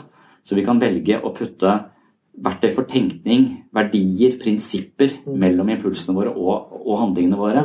Og vi kan bremse opp, vi kan observere oss selv være, vi kan være mer bevisst til stede i vårt eget liv. Og det mener jeg, som, som du også er enig i, altså det ligger i prefrontal cortex. Og det tror jeg de fleste visdomstradisjoner har vært oppmerksom på. Derfor så har de meditasjon innbakt som en del av praksisen sin. Det vil også en del kristne eh, miljøer ha. De ber de, og, så- så videre. Så de har en praksis hver søndag for en sånn stille type kontemplasjon, som kanskje rett og slett har en slags mentalt disiplinerende effekt, eller en form for mental trening, egentlig. Og vi kan være uenige i alle dogmene og alt det der, men spørsmålet har vi det i en sekulær eh, eh, verden? Har vi, har vi steder hvor vi eh, Eller yoga og meditasjon er ganske mye inne, og folk driver med det. Så det kommer. Eh, men nå er det på det private markedet. Før så var det installert i visdomstradisjonene eh, våre. Så det å ha så når- når Brinkmann er så innmari imot selvutvikling, så tenkte jeg ja, men vi trenger en arena for å trene våre mentale muskler. Vi veit at vi kan trene kroppen vår og bli sterkere, men vi kan også trene eh, hodet vårt for å bli eh, eh, mer leve altså, Jeg vet ikke altså, Ja, men vi lever Jeg mener at jeg, kan være, jeg har så mye å gå på. Jeg, har så mye, jeg kan bli så mye bedre pappa. Jeg kan bli så mye mer tålmodig. Jeg kan bli så mye mer raus. Og hver gang jeg virkelig er raus mot noen og ikke forventer noe tilbake, føler jeg at det er en god følelse. Men hver gang jeg prøver å få den parkeringsplassen foran den andre bilen, så er jeg i konkurranse med omgivelsene mine. Og det, det gir meg jo hjerteinfarkt. Så det å ha et større, et større overblikk, en større oversikt og en større kontroll på hva som foregår inni mitt fortolkningsapparat, det er jeg interessert i. Og hver gang jeg får nye ideer om det som, som jeg kan, kan bruke, så blir jeg litt, sånn, litt glad. Mm. Men så kan man sikkert trekke den der litt for langt også. da. Ja. Den mindful type introspeksjonen. Ja. For det er litt dårlig å ha det sånn hvis det kommer en løve inn her nå. Ja. Da er det fordel å liksom gå fra magefølelsen din og handle på den uten å tenke så mye. Ja. Og det er spørsmålet blir vi bedre på det, eller blir vi dårligere på å overleve i sånne farlige situasjoner? Det vet ikke jeg egentlig. Og det så, så hvis vi sier ok, ikke lytt til følelsene dine, vær litt kritisk til, eh, eh, til magefølelsen din, undersøk den. Så vi, han, som, han som heter Gavin De Becker, som skrev The Gift of Fair, han har brukt hele livet sitt, eller han har blitt dritdårlig behandla av foreldrene sine, blitt slått osv., så, videre, så han er veldig flink til å observere andre mennesker og mulige faresituasjoner. Så han leser folk eh, eh, hele tiden. Så en sånn halvveis mentalisering, vet ikke om han kjenner seg selv så godt, men han er veldig flink til å på en måte tone seg inn på andre og vite hva kan jeg si nå, eller hvor, hvor er det igjen, er dette en farlig person? Han har gjort det til sin karriere. da. Hans på en måte um, tyranniserende foreldre eh, har blitt hans karriere. Han er nå ekspert på eh, å beskytte folk. Og han skriver 'The Gift of Fair', og han hjelper sånne kjendiser som er sånn stalker og sånn. Mm. Og han, hans beskjed er jo helt motsatt av det vi nå sier. Hans beskjed er jo at du må lytte til frykten din, magefølelsen din. Mm. Du, for, for alle overgrep som skjer, det har alltid vært noen tegn tidligere her. Det har på en måte vært et eller annet litt off i den situasjonen. Det var litt rart at han skulle hjelpe meg helt hjem med de posene, men for høflighet så måtte jeg bare si ja takk. Nå har han hjulpet meg hele denne veien. Mm. Så det er alltid, det er alltid små signaler som, som kroppen vår fanger opp, eh, eh, og, og, og som er clues på, på at vi egentlig burde stoppa eh, og sagt nei til det. eh, og, og, så videre. Så, at det, så han sier jo eh, ja, lytt til magefølelsen din. Handl på den magefølelsen din. Mm. Mens, vi, eh, mens jeg sier den motsatte beskjeden til folk. Ikke stol på magefølelsen, den er korrupt. Kommer til å lure deg inn i altfor mange dumme situasjoner. Mm. Har du nyansert den noe etter i dag, eller eh, skal du skrive om boka di? Det der med frivillig, eller? Nei. Nei.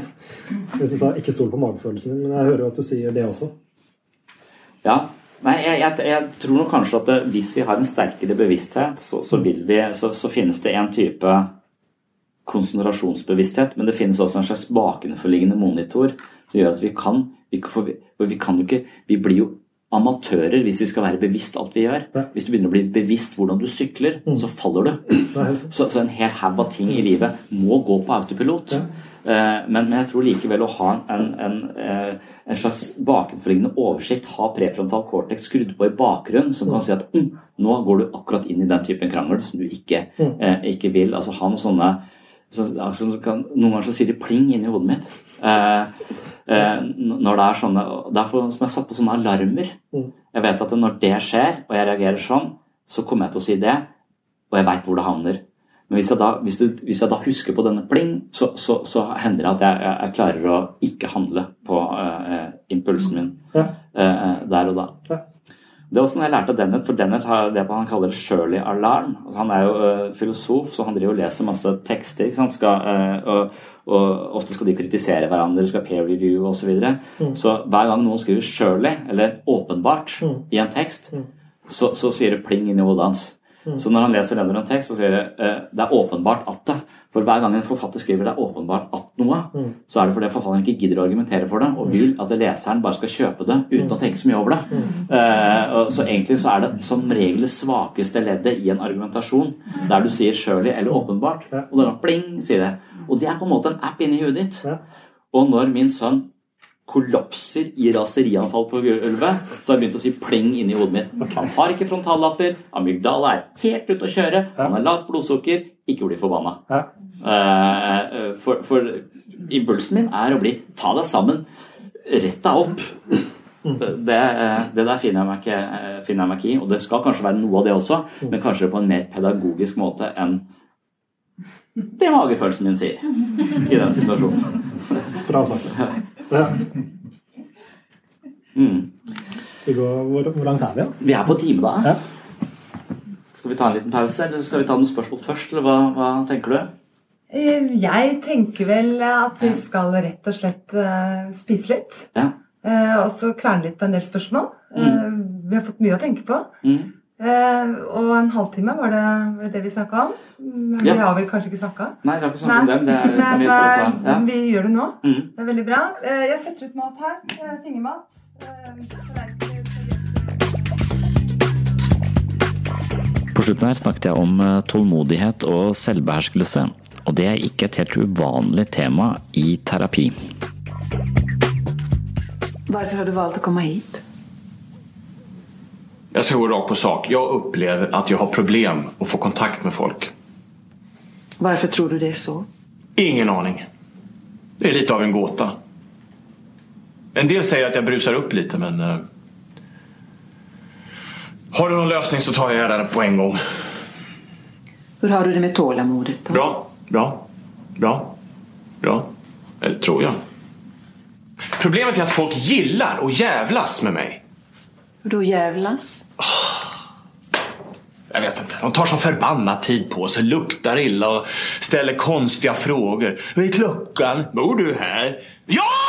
Det är väl för fan självklart att jag bor här! När det står Örjan på dörren. Bara läsa.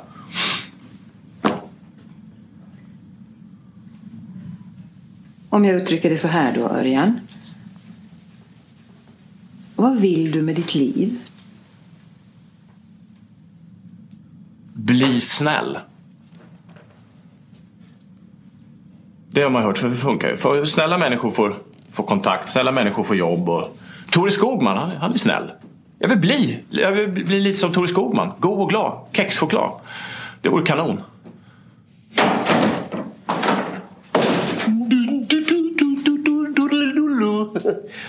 Vi, vi, vi, vi vill jag ha...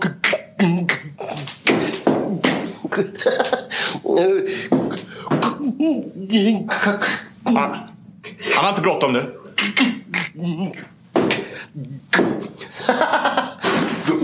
Vill ni ha kaffe? Ja tack!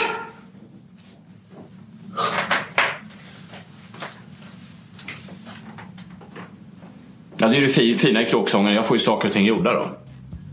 Det är ett plus. Takk for at du hørte på Sinnsyn. Som nevnt i utallige episoder tidligere, så har jo jeg selvhjelpsbøker til salgs på webpsykologen.no. Nå har jeg jo skjønt av George Carlin her at eh, selvhjelp er et umulig konsept. Hvis du leser en bok skrevet av noen andre for å hjelpe deg selv, så er det ikke selvhjelp, det er også å få hjelp. Så da kan man kanskje si at jeg har hjelpebøker til salgs, og ikke selvhjelpsbøker til salgs. På den annen side så vet jeg ikke om det er selvhjelpsbøker heller, det er egentlig bare en eh, oppsummering eller min erfaring med å ha lest de 100 mest solgte selvhjelpsbøkene, eller psykologibøkene på markedet. Hva sier disse bøkene om å leve best mulig som menneske? De ideene som jeg eh, selv opplever har vært mest eh, verdifulle, og de tankene som har fungert eh, mer eller mindre som verktøy for nye måter å tenke på, har jeg forsøkt å oppsummere og ja, dramatisere litt, putte det inn i hverdagslivet, og det er eh, hovedingrediensene i mine bøker om psykologi og selvutvikling, kan man si. Den siste boka handler mer om de eksistensielle spørsmålene, altså den som heter Psykologens journal.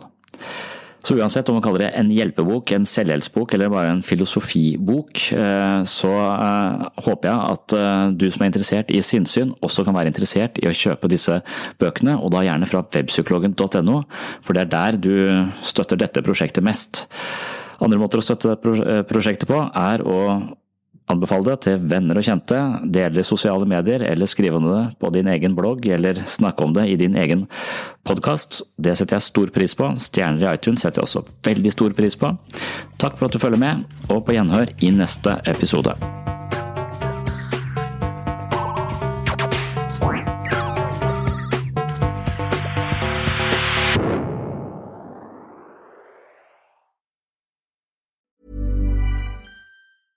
Cool fact a crocodile can't stick out its tongue. Also, you can get health insurance for a month or just under a year in some states. United Healthcare short term insurance plans, underwritten by Golden Rule Insurance Company, offer flexible, budget friendly coverage for you. Learn more at uh1.com. Mom deserves the best, and there's no better place to shop for Mother's Day than Whole Foods Market. They're your destination for unbeatable savings, from premium gifts to show-stopping flowers and irresistible desserts. Start by saving 33% with Prime on all body care and candles. Then get a 15-stem bunch of tulips for just $9.99 each with Prime. Round out Mom's menu with festive rosé, irresistible berry chantilly cake, and more special treats. Come celebrate Mother's Day at Whole Foods Market. Hey, it's Paige DeSorbo from Giggly Squad. High quality fashion without the price tag. Say hello to Quince. I'm snagging high-end essentials like cozy cashmere sweaters, sleek leather jackets, fine jewelry, and so much more. With Quince being 50 to 80% less than similar brands. And they partner with factories that prioritize safe, ethical, and responsible manufacturing. I love that. Luxury quality within reach. Go to quince.com slash style to get free shipping and 365 day returns on your next order. Quince.com slash style.